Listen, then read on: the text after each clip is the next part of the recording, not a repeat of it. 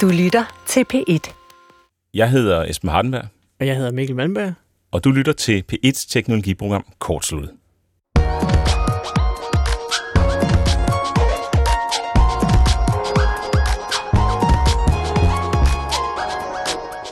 I dag der skal vi på det, der vel nok kan kaldes den årlige tur til Virtual Reality-land. Og programmet skal handle om, hvordan det er at spille computerspil, altså game i Virtual Reality i 2021. Virtual reality det bliver brugt til en hel masse forskellige ting. Alt fra behandling af angst og øh, smertelindring til spillefilm. Øh, Men det her med computerspil, det har jo altid været sådan helt centralt for, øh, for virtual reality. Ikke? Jo, altså øh, game, gamere snakker jo tit om det, øh, de måske kalder immersion, altså indlevelse, hvor, hvor øh, når man nu spiller sin karakter der, så er der jo nogle spil, der handler om at, at løse nogle puslespil og sådan noget, men der er jo også andre spil, der handler om, at man er en karakter. Og jo tættere på man kan komme på at være den karakter, jo bedre næsten. Ikke? Så Mhm. mm-hmm. det med at være inde i karakteren, som jo næsten er med VR, det, det må jo være eftersøgt, hvis det altså fungerer. Lige præcis, og det har været udfordringen længe, og vi skal så se på de spil, der er kommet for nylig, og også nogle klassikere, mm. og snakke om, hvor, hvor tæt er vi på den der oplevelse. Altså simpelthen, hvor fedt er det at spille virtual reality i 2021. Ja. Øhm, og vi er ikke verdens største virtual reality øh, genier, kan man vist godt sige. Så derfor så har vi selvfølgelig allieret os med nogen, som har brugt væsentligt mere tid i virtual reality, end vi selv har. Og øhm, vi gør det sådan, at først så skal det handle om selve spillene, og så i anden afdeling af temaet, der snakker vi om teknologien bag øh, udviklingen af virtual reality headsets og øh, dragter og hvad der ellers kommer på markedet af spændende sådan, gadgets, ikke? Mm-hmm. Lir. Og den her sådan, seneste bølge af virtual reality, den startede helt tilbage i 2012, da der kom en Kickstarter-kampagne, altså sådan en, en øh, pengeindsamlingskampagne for det headset, der så hedder Oculus Rift, som brugte mobiltelefonskærme, og som var meget bedre end det, vi havde, havde set indtil videre, lovede det i hvert fald. Og det er altså så nærmest øh, 10 år siden efterhånden, og der er selvfølgelig sket rigtig meget. Øh, men spørgsmålet er, hvor, hvornår kommer det her store gennembrud, som vi altså stadig venter på i 2021, i hvert fald når det kommer til spil, ikke? Ja, eller man kan måske sige, har gennembruddet været der også? Altså, er det simpelthen bare, har det, er det mættet øh, markedet for, for den her slags? Altså, bliver det overhovedet større? Øh, fordi øh, det er jo gennembrud på den måde, at alle kan købe et. Mange har et. Men hvad så? Altså, skal vi alle sammen have et, eller er de simpelthen bare, har de fundet dem, øh, som vil have et? Præcis, er det simpelthen bare meningen, at det her det skal være en, en niche, eller hvad? Ja. Så det handler programmet om i dag, og mellem de to afdelinger, hvor vi altså snakker om virtual reality-spil og virtual reality-hardware, så skal vi høre igen om dine NFT-eksperimenter og Ja. projekter. Der er øh, sket ikke så lidt siden sidst, og det er jo ikke mere end tre ugers tid siden, eller sådan noget. Vi snakkede om, øh, om dine, de her blockchain øh, øh, kunstværker mm. og, og handlen med alle de her NFT'er osv. Så, videre. så det kommer midt i programmet cirka. Inden vi går i gang med temaet, så skal vi lige have lidt øh, opsamling fra sidste uge, og lidt reklame for programmet i næste uge. Først opsamlingen. Michael Bisbjerg, som var med for 14 dage siden, og som vi har en rigtig god mail-korrespondence med, øh, har skrevet ind. Og det handler om, i sidste uge, der rådgav vi om, hvordan man kunne lade et elcykelbatteri op på en forsvarlig måde. Altså det handler om, at man vil ikke bare have det til at stå og, og lade hele tiden, man vil gerne kunne styre det automatisk. Og vi kom med sådan nogle øh, forslag med, at man kunne jo have en smart stikkontakt, der tændte og slukkede, eller man kunne lave en kalender-notifikation osv., ikke? Michael Bisbjerg, som jo har et rigtig smart hjem, han selv har designet derhjemme, ja. Ja. har skrevet ind, selvfølgelig med en bedre løsning, end, end vi kunne komme på, selvom jeg synes, vi var rimelig godt rundt i Ja. krogene. Øh, han skriver, at man kan få en stikkontakt, der automatisk slår fra, når spændingen er for lav. Nå, så, det den vil- selv øh, finder ud af, at batteriet er lidt op? Ja, nemlig. Når Ah. batteriet er, er ladt nok op, så Åh, slår smart. kontakten simpelthen fra. Og så er det jo bare at sætte den i kontakten, og så, øh, så styrer det hele sig selv. Ja. Det er da lidt smart. Det er, det er smartere end noget af det, vi fandt på, tror jeg. Det må man sige. Samtidig så tænker man, at- at det der smart home, det må være i anførselstegn, fordi så smart er det heller ikke. Men så andre gange, så kan man godt se, hvorfor det hedder sådan. så giver det faktisk mening. Og det her, det er så en af de helt øh, specifikke sager, hvor, hvor jeg synes, det, det er sådan. Så Ja. tak igen til Michael, og nu er rådet i hvert fald øh, givet videre. Så har vi også fået en mail fra øh, Anders Vestermand. Han er folkeskolelærer og har adgang til et makerspace, altså sådan et sted med 3D-printer og lasercutter osv. Mm-hmm. Det, som Anders Vestermand efterspørger, det er projekter, som har reel værdi. Som øh, lærer skal man selvfølgelig gerne sige, okay, men nu har vi alle de her øh, ting til rådighed. Hvad kan vi så lave, som, som bidrager, som, som gør verden til et bedre sted at være, ikke? Og øhm, vi snakker jo en del om at løse problemer og sådan noget. Det er jo så ofte sådan vores problemer. øh, jeg fortalte om, at jeg havde svært ved at koordinere med familien, hvad der skulle laves og huske på og sådan noget der. Øh, I næste uge, der handler programmet om lige præcis det her spørgsmål, som Anders Vestermann har sendt ind. Hvordan skaber vi reel værdi, altså værdi for andre end bare lige os selv i vores lille verden, øh, ved hjælp af de her maker-teknologier, altså 3D-printer, mikrocontroller osv., som vi, selv kan, som vi selv kan bygge med. Det betyder, at hvis du sidder derude og gør det, eller synes du gør det, så skriv ind på kortsluttet eller tweet til os med hashtagget kortsluttet, og så øh, kan vi jo se, om det kan komme med i programmet på en eller anden måde. Men i hvert fald så er det det, der er omdrejningspunktet i næste uge. Den trofaste lytter kan måske huske, at vi har haft besøg af Vanessa Carpenter, der jo øh, havde sådan en ting med sin, øh, sin mand, hvor de lavede, de lavede julegaver til hinanden. Ikke? Mm. Det synes jeg var en, en sød idé. Og nu er det jo ikke så længe. Du har lige sagt til mig, at der er 100 dage til jul. Der er 100 dage til jul, har jeg læst på Twitter. I jeg kan allerede stund. dufte risengrøden. jeg glæder mig i hvert fald. Og lodkolben. Jeg glæder mig i hvert fald til jul. Det kunne øh, være spændende, hvis vi kan komme op på en endnu højere klinge i forhold til det ja, her med at skabe okay. reelt værdi. Ja. Jeg synes, gaver er jo selvfølgelig dejlige, men hvad nu, hvis man kunne øh, løse et problem, andre havde derude ja. i, i verden. Så skriv ind og tænd igen for øh, kortsluttet i næste uge, hvor det handler om megateknologier, der giver reelt værdi. Du lytter til P1 Teknologi Program Kortsluttet. Programmet, hvor vi ikke hacker din e-mail eller Facebook-konto, men hacker selve teknologien, så den gør, hvad vi vil have den til. Med programmør Michael Malmberg og gør det selv mand Esben Hardenberg. Vi kaster os ud i temaet om virtual reality gaming, men inden vi skal snakke om gaming, så skal vi sige tillykke. Et VR-tillykke, fordi i sidste lørdag så vandt den danske virtual reality film Nattens Ende prisen for bedste narrativ på filmfestivalen i Venedig. Og det er en filmfestival, som gør sig rigtig meget gældende inden for, for VR-film. Så kæmpe tillykke. Ja. Og i filmen her, der befinder man sig i en øh, robåd om natten, sammen med en karakter, der hedder Josef.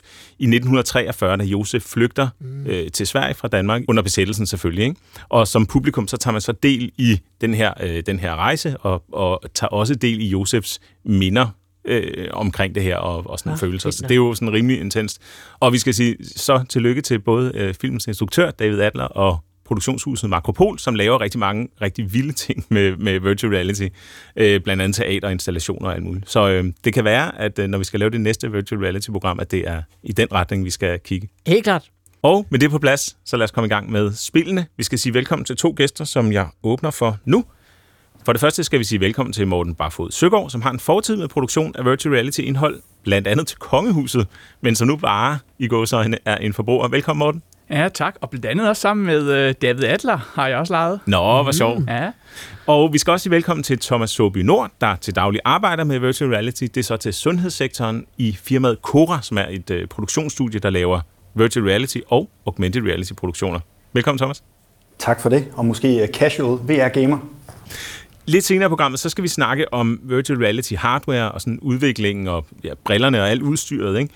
Men først så skal det handle om øh, selve spillene.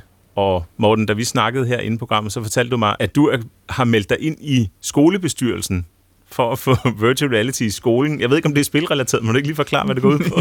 ja.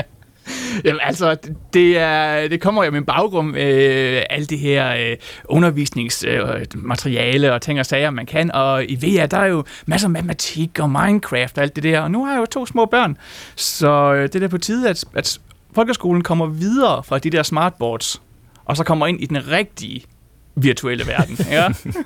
så, så, så simpelthen, øh, det kæmper vi for. Der er selvfølgelig lige en kamp med kommunen om uh, øh, GDPR og, og børn og mutti, inden de er 13 år og sådan noget, men altså, det er jo, det er jo små ting, man tager hen ad vejen. Mm. Det er ambitiøst i hvert fald.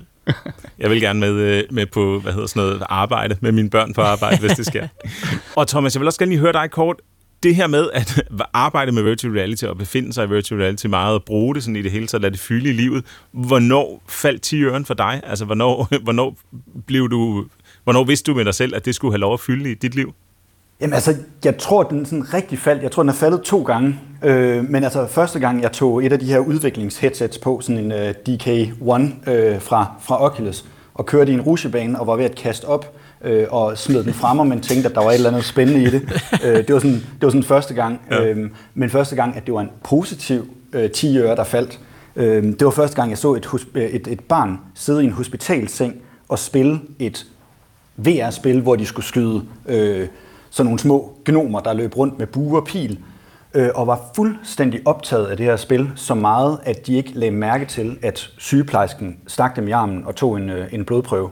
Altså, at, at det kunne være så opslugende eller immersive, at, at det kunne have den ligesom, magt eller, eller værdi for det her barn. Øh, det var virkelig der, hvor jeg tænkte, hold kæft mand, det her det, det kommer jeg ikke væk fra forløbig.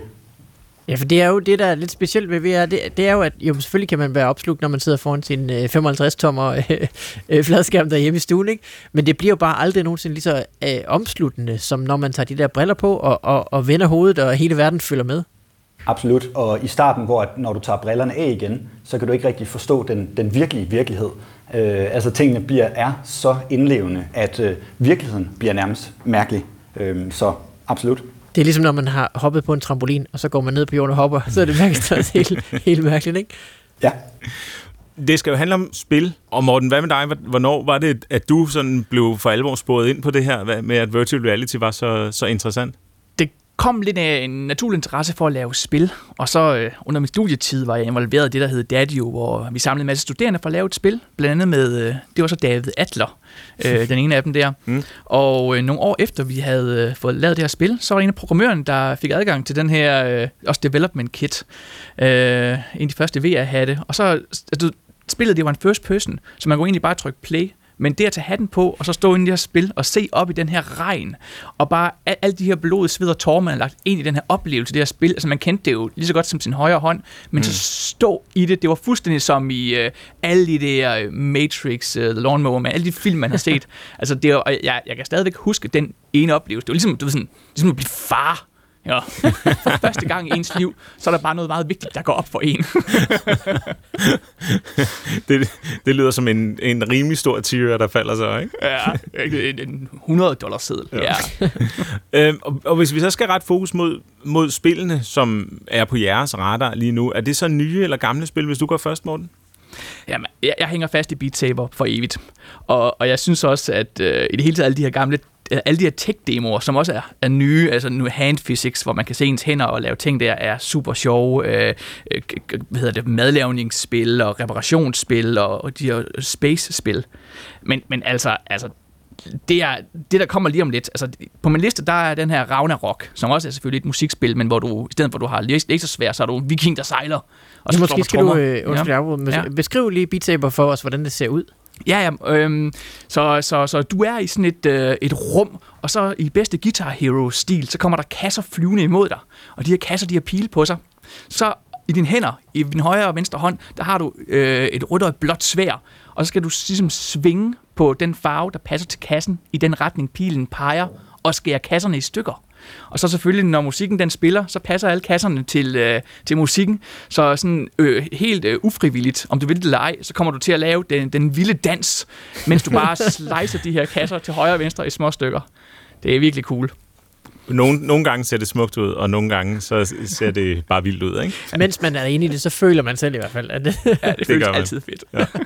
Ja. øh, og så siger du, der kommer et, der hedder Ragnarok, som også er, er musikspil. Ja, ja, som er lidt der videre, hvor, at, øh, altså, hvor, hvor man kommer videre fra, fra den her tech-tech-demo, som det er meget mechanic beat saber, til lad os prøve at få noget historie ind. Så lige så sidder du i en vikingbåd, du skal afsted, og jo vildere du tæsker på de her trommer, jo, jo hurtigere sejler din båd ligesom. Og der er sådan en multiplayer, hvor der er andre både, der også skal sejle ved siden af dig, mens du tæsker det her musiknummer igennem. Jeg har ikke prøvet det nu, men det er, det er det ene ting, jeg kommer til at købe inden for den næste måned. Det, og så er der et til, som, øh, som står højt på listen, øh, den her Tetris. Fordi, altså, jeg ved ikke om I andre, altså alle kender jo Tetris, mm. men af en eller anden grund, så er der kommet det her Tetris-spil, der hedder uh, Tetris Effect Connected, som alle bare synes er det fedeste. Og jo, altså, Tetris er da fedt, ikke? Men altså, er, er det Beat Saber fedt? ja. Så det finder vi ud af snart. Helkrops Tetris. Jamen, det er rigtigt. Det skal det. man selv forme sig, så man passer ind i. og, og hvad med dig, Thomas? Hvad, hvad spiller du? Jeg, jeg spiller rigtig mange af de spil, øh, som ligesom giver mig noget bevægelse, noget, øh, noget konditionstræning i, i hverdagen.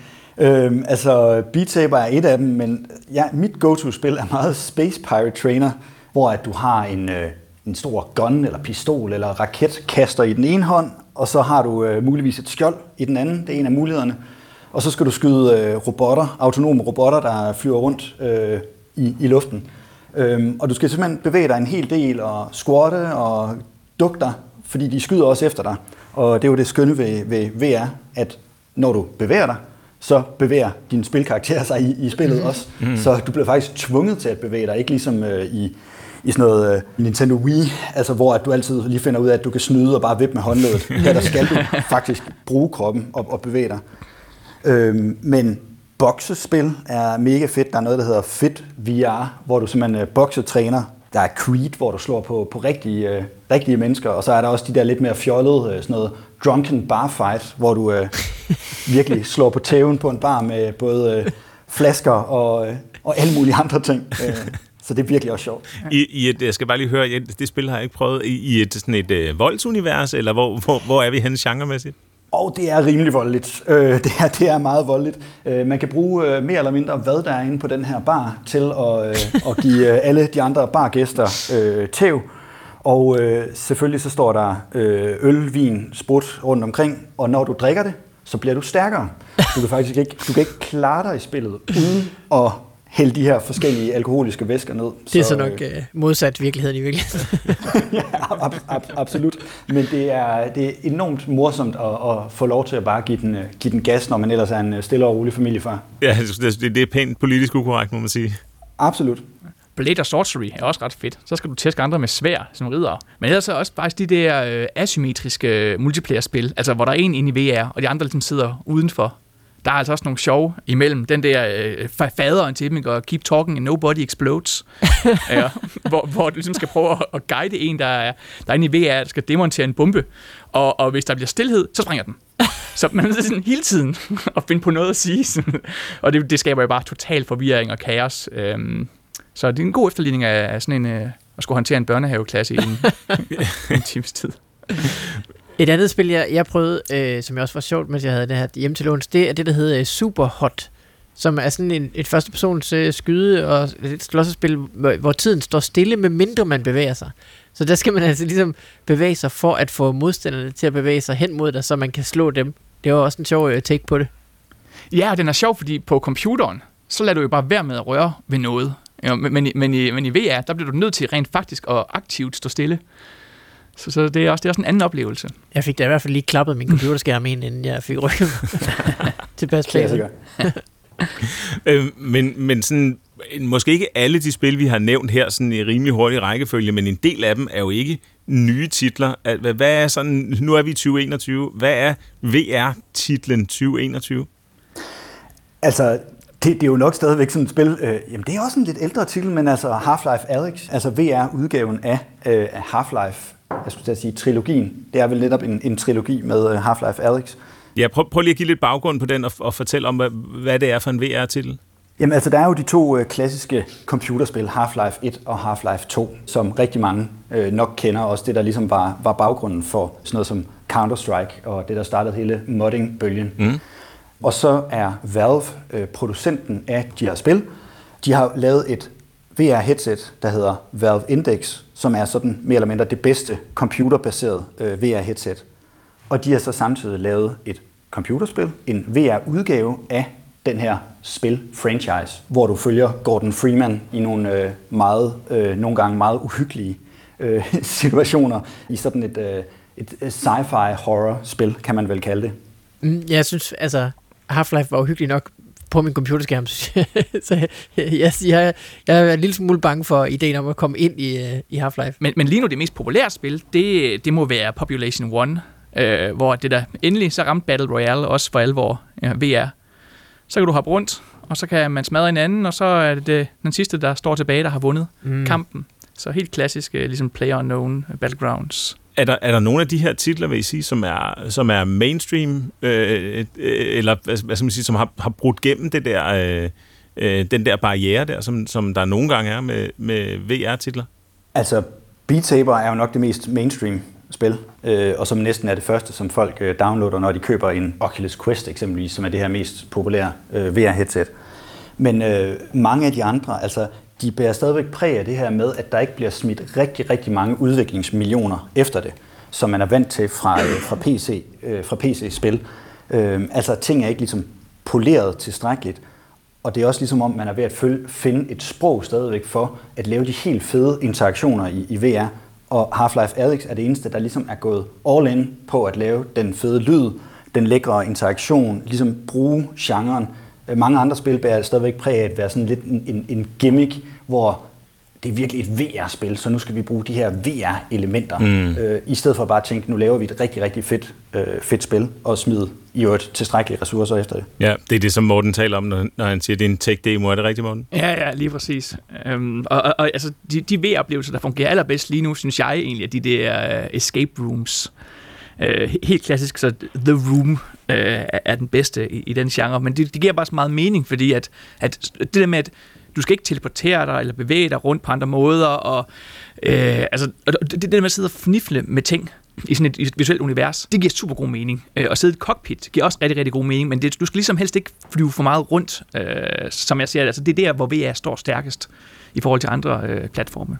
Mm. Ja, fordi det er jo stadigvæk en, en begrænsning. Det der med, altså man kan få VR-headsets, hvor man er fuldstændig statisk, så kan man få dem, hvor man ligesom kan definere et rum, man kan gå rundt i. Men men man er jo stadigvæk sådan, altså du er jo stadigvæk ikke på en planet i det ydre rum og kan gå øh, 3 km i en retning, vel? Altså man skal stadig, der er stadigvæk sådan øh, en mekanik, man skal opfinde med at øh, flytte karakteren rundt, hvis, hvis den skal det. Øh, nu spiller jeg for eksempel det, der hedder No Man's Sky. Der havde man nemlig sådan en teleporteringsmaskine, mm. som var den måde, man flyttede sig på. Så så kunne jeg jo så stå der, og så vende mig rundt, øh, enten med hovedet eller med en knap, men, men jeg, kunne, jeg kunne ligesom ikke gå nogen steder. Jeg kunne bare sidde i min stol, og så, og, og så stadigvæk komme rundt med min teleporteringsmaskine. Hvilket jeg sådan set synes var næsten... Altså, det er så ærgerligt, at den sidste mekanik der, den, den skal til med sådan en lidt trylleri, fordi når jeg så, som du selv siger, øh, Morten, sætter mig ind i cockpittet på min, på min rumskib, så giver det hele jo mening, at når jeg skal øh, røre ved min øh, øh, instrumentbræt, så, så rækker jeg hånden frem og trykker på det og tager fat i håndtag, og når jeg skal ud igen, tager jeg også fat i et håndtag og løfter øh, øh, visiret og så videre, eller hvad hedder det der, øh, glasset, mm. ikke? Nu, ja, jeg må altså også sige, det, det handler også lidt om, hvor, øh, hvor man har plads til at spille hen. Fordi at, øh, at Mikkel sidder ned i No Man's Sky, når han kommer ud, eller når du kommer ud. Øh, du skal jo sørge for, at der netop er øh, nogle meter til hver side. Altså ja. jeg spiller de der store spil ude på græsplænen i min kolonihave, øh, hvor der både er blødt, hvis jeg falder, øh, men også hvor jeg, har, hvor jeg har plads til at faktisk at bevæge mig rundt. Jeg tænker, at naboerne må tænke, at jeg er, jeg er skør. Men hvis jeg, øh, hvis jeg ligesom kan bevæge mig frit rundt, øh, så kan du jo faktisk lave et område på helt op til 10 gange 10 meter med en øh, quest. Mm. Og så behøver du øh, ikke at teleportere dig, øh, medmindre du skal langt væk på en af de her planeter i, i No Man's Sky. Klar. Der kan du faktisk godt bevæge dig rundt på et ret stort område øh, ved at gå med dine ben. Ja, okay. Ja, det, det vil helt, helt klart øh, hjælpe mig, fordi altså, hvis du siger 10 meter, det er jo masser af plads, ikke? Og så øh, skal man teleportere sig en gang imellem, det er så bare fint nok. Så er det næsten også dejligt, at man ikke behøver at gå de rigtige 4 km for at komme ned i den ende af planeten. Absolut. Mm. Et andet spil, som jeg prøvede, som var, øh, som var, jeg synes var rigtig sjovt, det var det, der hedder Open Brush, som jo knap nok er et spil, men som mere sådan et maleprogram. Det synes jeg til gengæld, altså der gjorde det mig ikke noget, at jeg stod fast, fordi så gik jeg jo bare lidt rundt om min, min, min kreation, mit værk, og var også i rummet. Øh, øh, der har jeg et spil. Der, hvis man godt kan lide at, at have ting ser pæne ud, og man måske også er typen, der, der godt kan lide at lave perler, altså i den virkelige ja. verden, øh, og sådan noget der. Der rammer du mig. Ja, fedt mand. Okay, jamen, jeg laver også mange perler, og det er bare mega fedt. Øh, så, så er der et spil, der hedder Color Space, hvor det dybest set er sådan en, en, en farvebog, hvor du skal lægge farver på ting, men det er bare inde i VR. Og det er bare sådan hammerende tilfredsstillende at pege på noget, og så sige, den skal være rød, den skal være blå, mm-hmm. og så se det der, det der 3D-skulptur øh, blive farvet. Altså, det, det er en oplevelse værd. Der er faktisk også en anden ting, som der også lige er, lige er sket her, sådan, ah, relativt for nylig, men at man slap controllerne endelig, ja, hvor, hvor at, øh, nu er der handtracking, så kan man se sine hænder. Der ligger også et spil her snart, der hedder uh, Warhammer Age of Signar Tempest Fall. øh, øh, hvor de siger... Det, det lyder som en Warhammer til. Ja, man, så skal vi smadre nogen. Og, øh, og hvor de siger, at du kan kaste spells med gestures.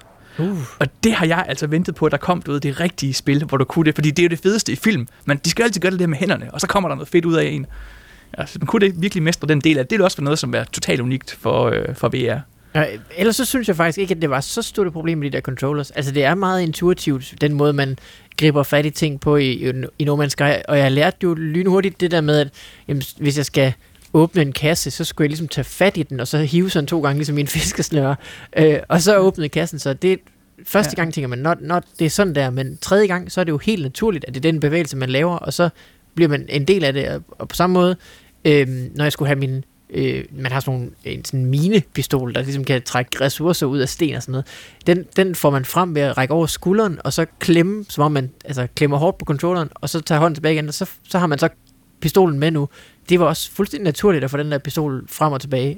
Øh, nu så jeg, øh, Thomas, jeg mener, det var dig, der snakkede om øh, det her Space Pirate Trainer tidligere, mm-hmm. at du spiller det. Der er et på vej, der hedder Space Pirate Arena også, som vist er rimelig tæt på udgivelse. Jeg ved ikke, om I har set noget om det? Jamen, det er ganske forfærdeligt, fordi det er faktisk kommet ud, Space Pirate Arena DX, øh, og jeg prøvede det så sent som i, i forgårs, og skulle prøve at se, nu skal jeg godt nok øh, spille det hjemme i mit øh, køkken i Københavner-lejligheden, hmm. men så kræver det netop minimum en et spilområde på 10 gange 10 meter. Oh. øh, og du kan simpelthen ikke få lov til at spille det, medmindre du har 10 gange 10 øh, meter. Ja. Mm. Øh, så det ser helt fantastisk ud, og det er ligesom et øh, multiplayer socialt spil, øh, hvor man konkurrerer mod andre, går rundt i nogle små korridorer øh, og ligesom skal gemme sig og skyde øh, modstanderen. Øh, så det ser helt fantastisk ud, men det kræver immer væk noget plads, som de færreste har hjemme i privaten. Hvis I skulle give en anbefaling, altså der er jo helt åbenlyst masser af entusiasme at komme efter. Jeg gik lidt ind i det her, må jeg indrømme, øh, sådan lidt tænkende, at øh, men for jer er der stadig meget at komme efter. Er det, er det rigtigt forstået? Nu er I selvfølgelig også kæmpe entusiaster. Herfra helt klart ja. Og især de der følelsesmæssige oplevelser, som VR stadigvæk kan, kan give. Øh, altså, os, der er vokset op, nu er jeg 43, men hvis, hvis man er vokset op med gaming i, i slut 80'erne, 90'erne, så er der et helt fantastisk spil, der hedder Pixel Ripped 1995, hvor man starter med at sidde foran sin øh, CRT-skærm hjemme i, øh, hjemme i køkkenet, øh, og man er ligesom en, en dreng, en, hvad kan man sige, en tegneseriedreng, der sidder og spiller konsol, konsolspil. Mm. Øh, og her der skal man så både spille et spil, som minder om Zelda, øh, men man skal også ligesom sørge for, at ens mor ikke hele tiden kommer hen og slukker for, for tv'et. Og øh, det der med at ligesom blive transporteret, det der metalag at blive transporteret tilbage til sit øh, drengeværelse og sidde og spille Ej. kontrolspil, altså det er helt fortryllende. Altså jeg blev næsten rørt første gang, jeg gjorde det. Øhm, så der er stadigvæk den der magi, som VR har, og vi skal egentlig bare finde sproget. Altså med det mener jeg der skal findes et sprog, ligesom da fjernsynet blev opfundet, eller mm. da iPad'en blev opfundet, der vidste man sgu heller ikke rigtigt, hvad man skulle bruge det til andet end at læse en pdf'er på det. Hmm. øh, så vi har brug for det der VR-sprog, og det, det er netop, det er ved at være der, og øh, så skal der bare være en masse, der køber nogle headsets, og så er der, øh, så er der ligesom hul igennem, så jeg er meget, meget øh, fortrystningsfuld. Ja, jeg, jeg er helt enig med Thomas. Øh, de her, det virker som, vi er gang med at mappe Øh, lidt ligesom med No Man's Sky, når man løber rundt og finder ud af, hvad er det for, hvad er det for en planet, vi er på. Øh, hvad for nogle genrer er der? Øh, hvad for nogle genrer virker? Hvad for nogle virker ikke? Og, og så begynder de her enkelte genrer at producere nogle titler, som ligesom holder vand. Øh, som for eksempel Beat Saber, der nu spawner det her Ragnarok-spil. Øh, men, men, men også øh, inden, inden for mange af de andre, altså hvad, hvad vil, er Alex dur det at lave en first-person shooter? Det kan næsten ikke laves bedre end Half-Life Alex. Øhm, så, så hvis der kommer en til, der ligesom kan vippe den af pinden, ikke? Så, så er der også ligesom sat en bar et eller andet sted. Øh, men, men jeg tror også, altså, jeg tror dog på, at den her øh, med at blive fri for controllerne, så åbner vi op for alvor, for at, at der virkelig ikke er nogen forhindring i at øh, kunne komme fuldstændig ind i den her verden.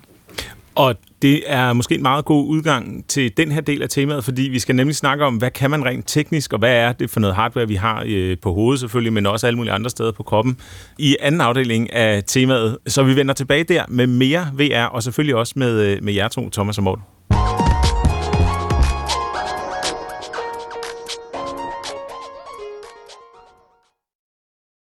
Vi skal tilbage til den virtuelle verden, gamingverdenen, og snakke om hardware lige om lidt. Men øh, du står og gaver, Mikkel, og det er der en, det er der en årsag til.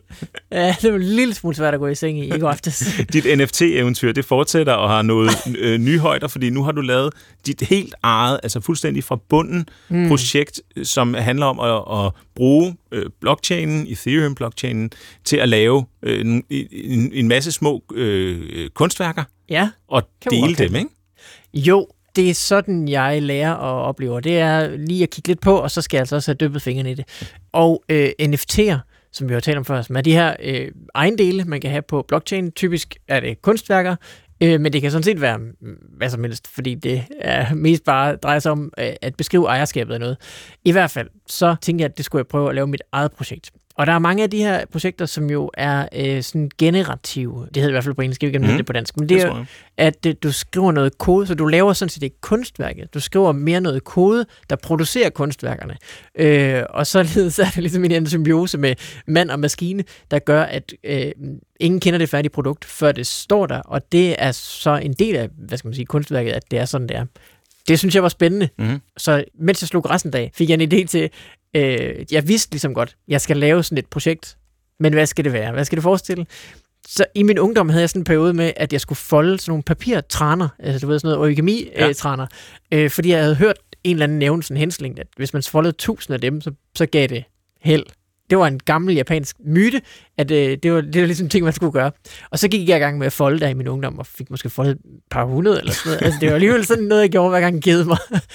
Øh, du ved, før man får børn, så kan man få de, de bedste idéer. Fold og løs. I hvert fald, så nåede jeg ikke 1000. Men, men den der idé med, at man skulle folde 1000, det sad sådan lidt eller andet i mig stadigvæk. Og de der træner, synes jeg var sådan, at de har sådan en flot æstetisk kvalitet med, at de er foldet og sådan noget. Så det tænkte jeg, det er det projekt, der laver. Så kan man også sige, der er kun 1000 på et år. Fordi mm. det var så ligesom en del af myten der, at hvis man folder 1000 på et år, så er der ekstra bonusheld. Øhm, øh, så det var ligesom min idé. 1000 af dem, det skal være noget generativt, det skal være noget, der bliver der er ligesom noget random, noget, noget tilfældighed over det. Ja. Så jeg lavede en trane template, så lavede sådan, at farverne var tilfældige, genereret ud fra, hvilket nummer det var i rækken, altså var det trane nummer 1, 2 eller 3, hvilket år det var lavet i, nu er det 2021, og så også modtagerens adresse, så det vil sige, hvis du er mindre, som det kaldes, hvis du laver en trane, så vil den se anderledes ud i farverne, end den jeg lavede. Det er jo bare sådan for at gøre det lidt sjovt, ikke? Mm. Det brugte jeg en, noget tid på, en masse aftener, øh, på at lave den der kontrakt, fordi det er jo sådan set bare det, det er. Sådan en NFT, det er jo sådan et noget kode på blockchain. En kontrakt, som det hedder en smart contract. Ja. Øh, og kom frem til noget, jeg synes var pænt. Og, la- og som sådan, altså, konsistent lavede nogenlunde pæne træner. Pæne resultater, ja. Fordi jeg, jeg prøvede først bare at tage helt tilfældige farver, og det kan jo også godt fungere i mange, og det giver også nogle syre, det er jo sjove resultater, men der er jo også altså sådan noget med, at skyggerne skal helst være mørkere, end der hvor det er lyst, og baggrundsfarven skal helst passe til de farver, der kommer Sådan noget. Så jeg fintugnede ligesom min algoritme der til at finde på noget, der kunne lave træner, der stort set altid var øh, nogenlunde pæne at kigge på. Ja. Og så lavede jeg en lille hjemmeside til det, og så i går formiddags tænkte jeg, nu tror jeg, jeg er ved at være klar. Det er sådan med sådan nogle smart contracts. Øh, typisk i et computerprogram, så finder man fejl. Så kan man bare lave dem om, og så er det jo ligesom ikke, så, så var der ingen, der, der, der, der blev generet særlig meget af det. Ja. Men med smart contracts, der, der når du har lagt dem på blockchain, så er de bare, som de er. Men mindre man har bygget ind i dem, at de kan opgradere. Så det er så bare noget ekstra. Men det havde jeg ligesom ikke gjort. Så det, det, det skulle Du også være være... rimelig sikker på, Det at skulle det også virke fungerede. i første omgang. For Ja. eksempel så var det ret sent i processen, jeg fik tilføjet en funktion, der kunne trække pengene, jeg fik solgt for, ud igen. det, var, det var også en lidt essentiel funktion, kan man sige. Øh, tak til Frederik fra Twitter, der mindede mig på den slags. Jeg havde ligesom forhørt mig, nogle eksperter ser det her nogenlunde fornuftigt ud. Ja. Så postede jeg på Twitter, okay, jeg tror, jeg er klar til at dele det her. Her er mit projekt. Man kan lave de her træner, dem kan man købe for 0,02 ether øh, per styk. Øh, og så, så begyndte de at sælge lige så stille.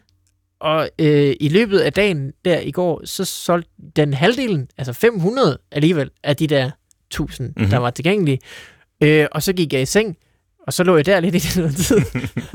og så kiggede jeg på min telefon igen, og så lå jeg der lidt i noget tid. Til sidst faldt jeg i søvn, og så stod jeg dem også, og så var de skulle blevet solgt alle sammen.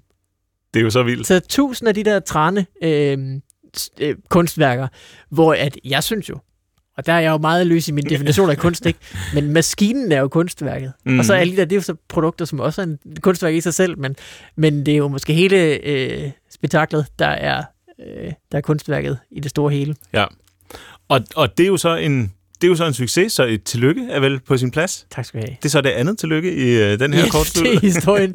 Ja, lige nu der går det, der går det strygende med de der FT'er. Øhm, men jeg vil også sige, jeg begynder at kunne mærke det der med, at der er en form for metavers, og at vi allerede har det i vores online personer. Altså, vi er jo bare også nogle andre på Twitter, end vi er i virkeligheden. Mm. Altså, der er jo en eller anden form for øh, øh, suppeterning øh, af, af, hvad vi er i virkeligheden, som vi er der, ikke? Og, og måske også noget helt andet. Altså, man kan jo være lige, hvad man vil. Og jeg kan jo se, at de her, i det her NFT-space, der er rigtig mange projekter, der handler om, at øh, NFT'en ligner et profilbillede. Så det er meningen, at man køber den. og så bruger man den også som profilbillede Mm. på, altså ude i verden. Og så bliver man jo så den her karakter, det bliver man jo ikke, det, man definerer det jo selv, men det, at man har det der profilbillede, som er unikt, og man har købt det, det er jo ikke unikt, fordi andre kan bare stjæle billedet og bruge det, men det er jo selvfølgelig, det er jo selvfølgelig Ej, ejerskabet er unikt. ejerskabet er unikt, og det er jo, det er jo lidt taberagtigt at tage noget, nogle andre ejer, og så bruge det som sit profilbillede. Ikke? Hvis nogen finder ud af det, så er det sådan lidt, ej, du kan jo ikke gå med... Det er lidt som at have en falsk Eller også er det taberagtigt at sætte begrænsninger på digitalt indhold, men det er jo en Det kan man også sige. det kan man også sige. Det er i hvert fald øh, en, en god diskussion. Øh, men, men det der med, at man køber sådan en, og så har man, altså, så er det ens ting. Altså, jeg føler efter, at det er ting, jeg køber, når jeg køber sådan et kunstværk Ja. på, på Ethereum. Og jeg føler også, det er noget helt andet, end det internet, vi har haft. De kalder det jo Web 3. Vi havde Web 1, som var dokumenter, altså gå ind og søg på surfing, og så finder du nogens hjemmeside om surfing. Så var der Web 2, som var, hvor det hele var lidt mere dynamisk i indholdet, men også social media kommer ind, og det der med, at det brugerdrevet indholdet, ikke? Og så kommer Web 3, som så er det her blockchain blandt andet, og jeg føler virkelig, at det er et skift, vi oplever. At det er øh, en ny æra i internettet, der øh, starter, og, øh, øh, og, og man kan sagtens være med. Altså, det er spændende at kigge på nu. Jeg synes også, det er enormt spændende. Jeg har så ikke, øh, jeg er så ikke med lige så meget, som du er, kan man sige, men øh, jeg har jo heldigvis sikkert mig en, øh, en, En trane. øh, jeg, jeg ved ikke, om jeg, om jeg ser den som mit profilbillede, men i hvert fald er det jo. Nej. noget, jeg føler, at jeg har et personligt forhold til. Ikke? At, at Ja. jeg, har været, jeg føler, at jeg har været en del af det, også selvom at det jo er en økonomisk transaktion, kan man sige, der ligger til grund for dem, mm. så er, er kryptopenge eller noget andet. Det, jo- det er jo så mindre vigtigt selvfølgelig lige i den, i den sammenhæng. Ikke? Men, Jo. men det der med at, at have en, en, øh, et nærhedsforhold, eller hvad man skal sige, til en virtuel genstand, det er ret, øh, det, det, det synes jeg faktisk er ret nyt, og, og det er det også der, hvor jeg er enig med dig i, at det her det er en oplevelse eller en følelse omkring virtuelt øh, øh, indhold, som jeg ikke har, som jeg ikke har haft før. Ja, og det er sgu da interessant, var. Fordi når jeg køber et bestemt skin til mit gevær i Modern Warfare, som jeg jo elsker at spille, så føler jeg overhovedet ikke, at det er mig, der har det. Der Mm. mm. føler jeg mere sådan har unlocket at få lov at male mig med nogle andres farver på en eller anden måde. Øh, men med de her NFT'er, der, går, der følger de jo mig i stedet for system. Jeg kan jo ikke gå over i et andet spil end Modern Warfare, og så have den samme, det samme gevær. Hvorimod med NFT'erne, der når jeg går på den, den ene eller den anden hjemmeside, jeg har min ene og min anden wallet, så er det min konto. De andre, det er bare sådan, hvad skal man sige, øh, en tynd skal omkring det, som er i virkeligheden min konto. Og det er min, fordi det er mig, der er den eneste, der har koden til min wallet.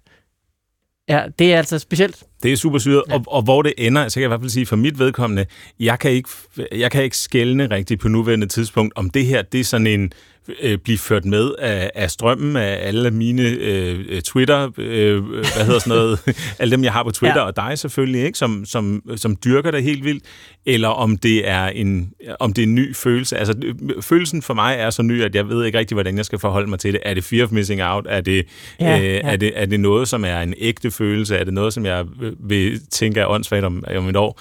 Det ved jeg ikke rigtigt endnu, men, men i hvert fald, at, at lige nu, der er det, øh, der er det sådan en ting, som, som virkelig føles som noget nyt. Ikke? Det er noget, der skyller ind over en, og det er virkelig, det er virkelig, det er virkelig øh, interessant, det er virkelig spændende sådan at, at opleve. Så det er, jeg synes i hvert fald, uanset om man vil, øh, uanset om man vil øh, støtte op om det, eller man vil være en kritiker af det, øh, jamen så synes jeg, det er noget, man, man skylder sig selv at, at sætte sig ind i, eller sådan at tage alvorligt på en eller anden måde. Ikke? Ja, ja, man skal nok i hvert fald lige holde det i, øh, i periferien af, af synsfeltet, for at, at, at se, hvad det, hvad det er, der lige sker derovre. Fordi altså, på den ene side, så er det jo øh, bygget af luftkasteller på en eller anden måde, mm. men det er der sgu så meget, der er. Altså, det er vores samfund jo også på en eller anden måde, når man øh, tager det til yderst til, til potens. Øhm, på den anden side, så er der jo folk, der er ved at skrive blockchain-versioner af stort set alle finansielle instrumenter, for eksempel. Altså sådan noget som lån og øh, forsikringer og alle sådan nogle øh, ting, som vi jo er vant til, kommer fra store firmaer, der, der er sådan forholdsvis lukket jo. Altså, jeg ved da ikke, hvad der foregår, når jeg tager et lån mm. øh, i banken, stort set. Men øh, der er folk jo, der allerede har platformer, hvor du kan låne øh, i kryptovaluta, og kontrakten for, hvordan det hænger sammen, hvordan det, beregningerne foregår osv., det er fuldstændig åbent på den her blockchain i de her smart contracts.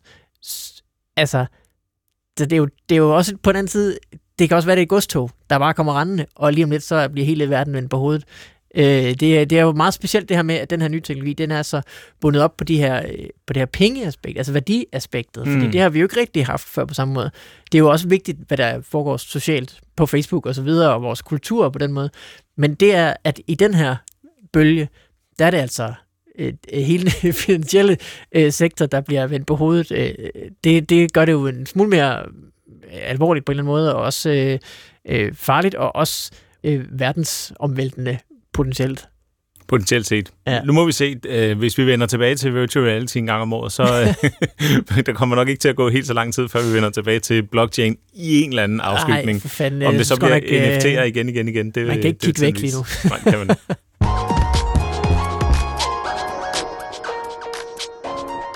Vi vender tilbage til dagens tema, som er virtual reality, og øh, i første del af temaet, der handlede det om en hel række spiloplevelser, som man kan få, både lidt ældre og også nogen, som er lige på trapperne og ved at komme. Og i den her afdeling af temaet, der skal vi så forbi teknologien, der driver det hele. Og vi har stadig Thomas Soby Nord og Morten Barfod Søgaard med. Hej med jer igen. Halløjsa. Tak for det. Hej. Og hvis du, Thomas, skulle prøve at sætte et par ord på, hvad du sådan er, er mest begejstret for, vi kan lige nu, og så også øh, på samme tid snakke lidt om, hvad er det så, du, du glæder dig til, øh, at vi overvinder af, af hurdles i forhold til det her med virtual reality øh, hardware-teknologi? Jamen altså, klart det, jeg er glad for, at vi kan nu, er, at, at vi har fået de her meget mobile headsets. Altså den her Quest, og især Quest 2, øh, at den har nok processorkraft til at lave nogle, nogle spændende spiloplevelser, øh, og at den er nede i et prisniveau, øh, hvor at de fleste kan være med. Det er virkelig, virkelig, virkelig fedt i forhold til, da jeg startede det her for en, for en fem år siden, hvor at man skulle have en kraftig gaming-computer, man skulle have sensorer hængt op på væggen, man skulle have ledning op til headsettet, og alle de her sådan rent praktiske begrænsninger. Øh, det er ligesom det, er det rigtig, rigtig fede ved det. Øh, altså, vi mangler nok stadigvæk at få, øh, få spilproducenterne med, som vi har snakket om, at de ligesom producerer noget rigtig, rigtig godt indhold, fordi jeg synes egentlig, egentlig hardwaren er der, men vi kan altid bruge mere, flere ting i, i hardwaren, altså eye-tracking. Øh, det er et helt andet område. Det kan skabe noget, der hedder foveated rendering, sådan at man kun øh, renderer en lille bid af grafikken, og dermed skaber en hel masse ekstra computerkraft fra sådan en lille mobilbrille. Mm-hmm. Og det regner de fleste kommer med i, i de næste, den næste bølge af, af mobile VR-headset. Øh, så det glæder jeg mig rigtig meget til. Og så glæder, så glæder jeg mig også til, at der kommer noget mere socialt VR. Altså når at ens venner og bekendte så videre begynder at få øh, udstyret, at man så kan få nogle flere sociale øh, oplevelser i, i VR. Fordi ellers så kan det godt lidt være en, en ting, man gør derhjemme alene, øh, men hvor at PC-gaming også har den her meget sociale del, at man spiller Rocket League eller Counter-Strike øh, sammen, så mangler den sociale del af VR-gaming også. Det, det er faktisk en, en super god pointe, i hvert fald i forhold til min, min oplevelse af, af ja, både gaming i det hele taget, men, men også ved at det der med, at det kan føles det kan godt føles lidt ensomt eller tomt at være i det der virtuelle rum, og sådan er det jo ikke, når man spiller computerspil, hvis man altså søger det her med at have et fællesskab samtidig med, at man gør det.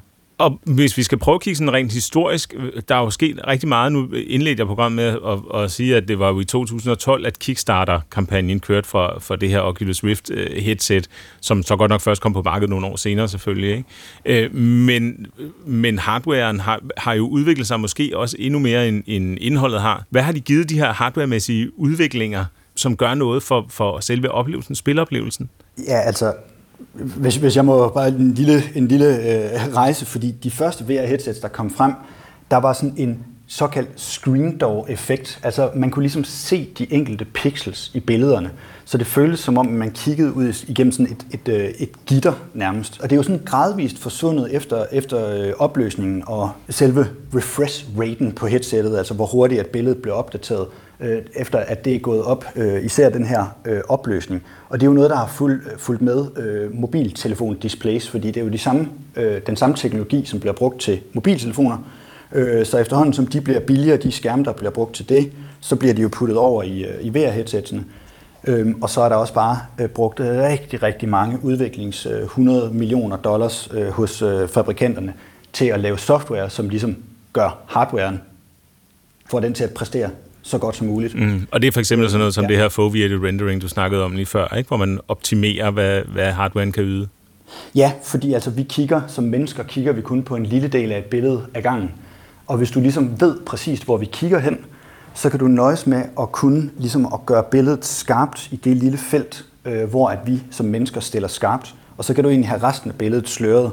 Så det betyder, at du måske kan bruge en 20. del øh, af processorkraften øh, på at, at rendere selve billedet, og dermed få en meget, meget, meget højere øh, ydelse ud af, ud af brillen. Det er jo lidt ligesom, øh, øh, vores mobiltelefoner har jo også i, i virkeligheden ret dårligt kameraudstyr, men kompenserer jo så med noget software, fordi de, de, de øh, kan bruge nogle algoritmer til at forbedre det, som vi ikke øh, kan med, med selve hardwaren. Absolut, ja. Og jeg og så har- er også selve øh, komforten, når man bruger VR, er bare også afsindig vigtig. Altså, at det er rart at have på. Nogle af de første headsets, der fik du simpelthen ondt i hovedet, eller øh, sveden dryppede ud af brillen indvendigt, fordi at den blev så varm. Eller, øh, altså, der var så mange ting, som var ubehagelige ved at bruge VR-briller. Øh, de er simpelthen blevet så lette og afbalancerede, og selve komfortdelen er blevet højt prioriteret hos udviklerne. Så det begynder at være noget, man har lyst til at have på en time eller mere øh, af gangen. Og det var det absolut ikke øh, i, i begyndelsen. Ja. Der var det ligesom en overvindelse at beholde udstyret på, vil jeg næsten sige. Ja, nu er det også de, de headsets, vi har haft, er de seneste HTC-headsets, som lige er, er kommet på markedet, og som er hundedyre og egentlig rettet mod industrien. Ikke? Øhm, men, men der vil jeg også sige, i forhold til mange af de andre, jeg, jeg har prøvet, der, er det sådan, der kan man virkelig mærke det der med, at selve brugsoplevelsen ved at bare at bære det, øh, at, at det har rykket sig helt, helt vanvittigt meget. Ja, og altså selve modding-communityet, altså folk, som simpelthen selv bygger headsetsene om, har jo også haft meget at sige her. Fordi der er mange, der er begyndt at bruge, øh, placere sådan et stort mobilbatteri øh, om bag på, på, øh, på brillen, og så simpelthen som modvægt for, at brillen ikke presser ind mod ansigtet på brugeren, mm. hvis det giver mening. Ja, det har den faktisk, den her man- øh, HTC-bærbare udgave. Ja, og det er, så bare, øh, det er så bare noget, som folk har gjort, øh, før det kom ud som noget, man kunne købe. Så øh, satte folk selv et batteri bagpå med noget gaffatape, og så brugte det som modvægt, eller en lille en sok med noget sand i, eller et eller andet. og så blev det mere behageligt at, at have på. Vi er altså, lyder det til på det, vi har snakket om, et rimelig godt sted i forhold til de oplevelser, som selve hardwaren kan, kan tilbyde. Men hvis vi skal prøve at kigge ud over det, og så se, hvad er der af ekstra oplevelser, altså øh, dragter og handsker, og ja, hvad vi ellers kan, kan finde på. Hvad er så det mest interessante, synes du, Morten? Um, altså det mest interessante, jeg har prøvet, øh, det er for det første sådan en dragt, der hedder Tesla Suit, som man tager på øh, hud mod hud. Altså du må, godt, du må godt have dine boxershorts på, men ellers så er det slut. Og, øh, og så overtager det ligesom dine muskler. Det bliver til et lag muskler uden på din, uden på din hud. Og så med elektricitet, så fungerer det på samme måde, som når dine muskler trækker sig sammen, så får du simpelthen stød, mikrostød overalt.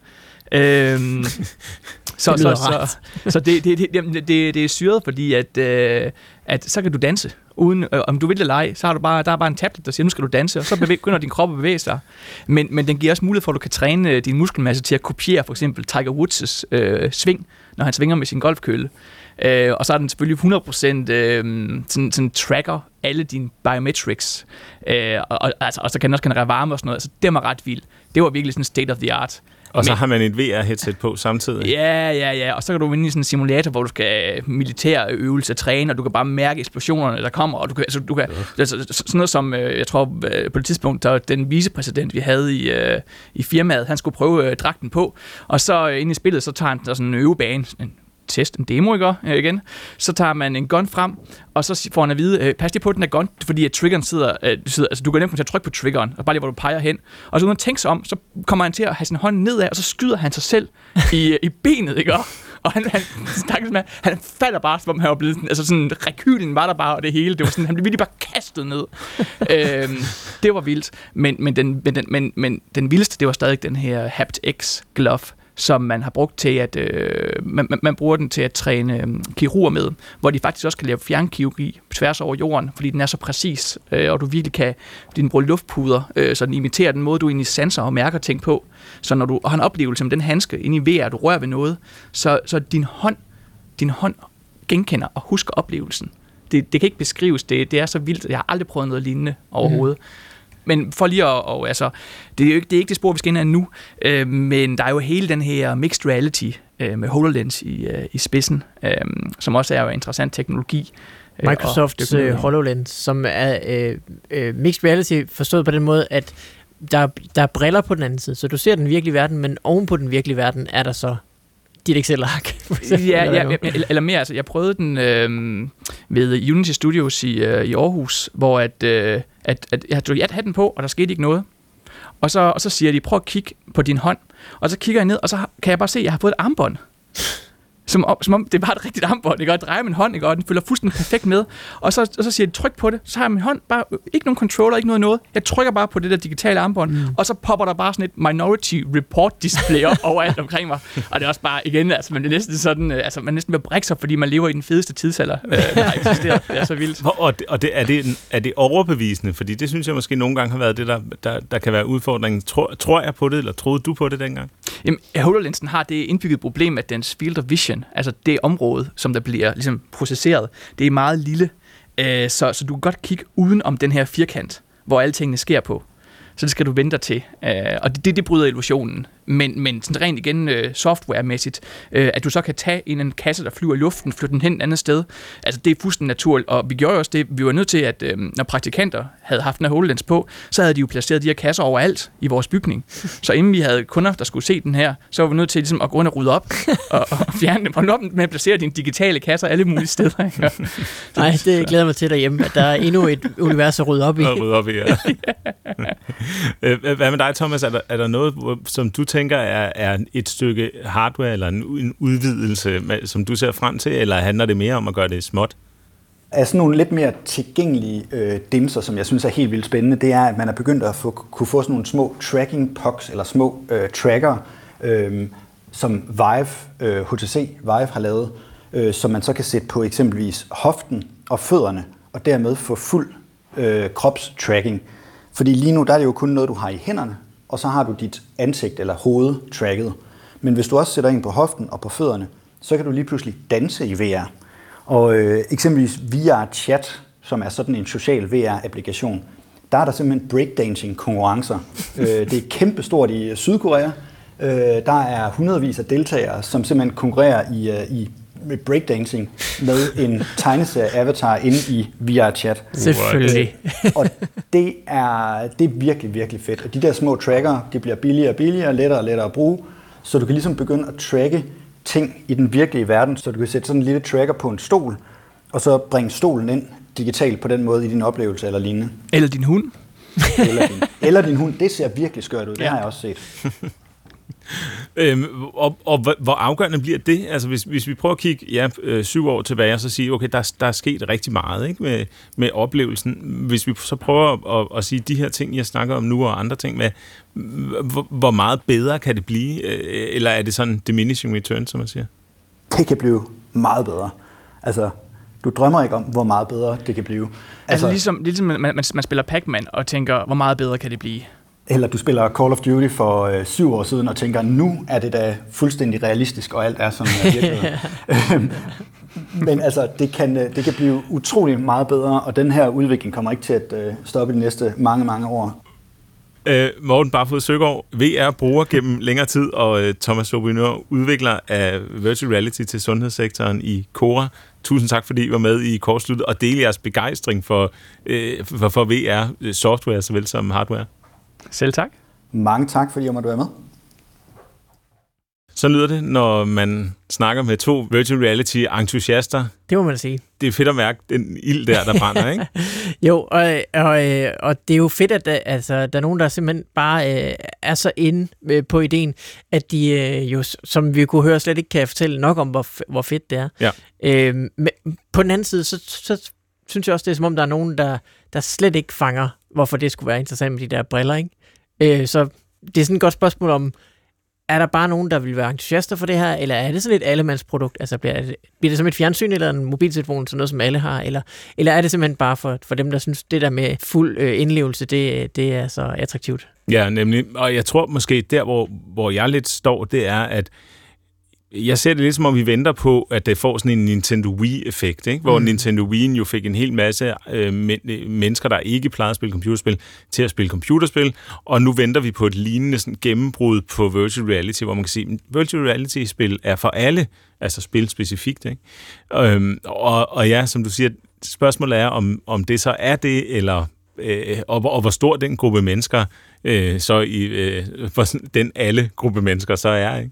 Øhm, Og så er der jo også det her med produktionerne, hvor, meget, hvor stor er budgettet til at lave produktionerne, for det er jo så det, vi hører fra, øh, fra Morten og Thomas, at det er noget af det, der skal til for at skabe de rigtig overbevisende oplevelser, og de, og de ting, der så kan få, det til, få mange flere brugere ombord ikke, i, i virtual reality gaming. Jo, og indtil da, så synes jeg, at det er vidunderligt, at der er sådan en spirende indie-scene, hvor spillene måske er lidt mindre i, i, øh, i omfang, men så hvor man måske tør eksperimentere lidt mere. Altså sådan noget som Beat Saber, eller det der bare slåskampspil. øh, det er jo ikke noget, man vil putte milliarder i at udvikle, for man forventer ikke at få milliarder ud igen. Men til gengæld, så er det jo noget, der måske er sjovt, øh, og måske er specielt for VR. Og det er jo også måske det, som ved, altså fordi det skal også berettiges, at man ikke bare spiller det på en Playstation, ikke? Fordi det er jo selvfølgelig både nemmere at udvikle og spille, og øh, der er flere, der kan købe det osv., hvis man laver det bare til en almindelig Xbox eller Playstation. Så det skal også berettiges, at det er VR. Og det er måske ikke nok bare at tage det samme spil, og så gøre, at man kan kigge sig over skulderen imens, hvis alting alligevel foregår foran snotten på en, ikke? Mm. Øh, så øh, det er jo de her eksperimenteringer, der skal til for at finde, hvor det bliver rigtig godt med det VR. Ja, og der er det jo meget med det her med at udforske, hvad er det så, der fungerer, hvad er det ikke, der fungerer, som, som vi også snakkede om i, mm. i interviewsene her. Og så finder vi ud af, at det er bare bare slagsmål. Det, er, det, var mening, det, det var meningen Det var meningen med VR. Det var at gokke nogen oven i hovedet. med en virtuel flaske. Kortsluttet er slut for den her gang. I næste uge, der handler programmet om, hvordan man kan bruge maker-teknologi, altså laserkort og 3D-printer og alt det her, som vi snakker ofte om her, til at gøre en reel forskel for andre end øh, sig selv i sin egen lille øh, problem i gåsøjne fyldte verden. Så hvis du gør det, eller kender nogen, der gør, så skriv til os kortsluttet eller ram os på Twitter med hashtag kortsluttet, og så lyttes vi ved i næste uge.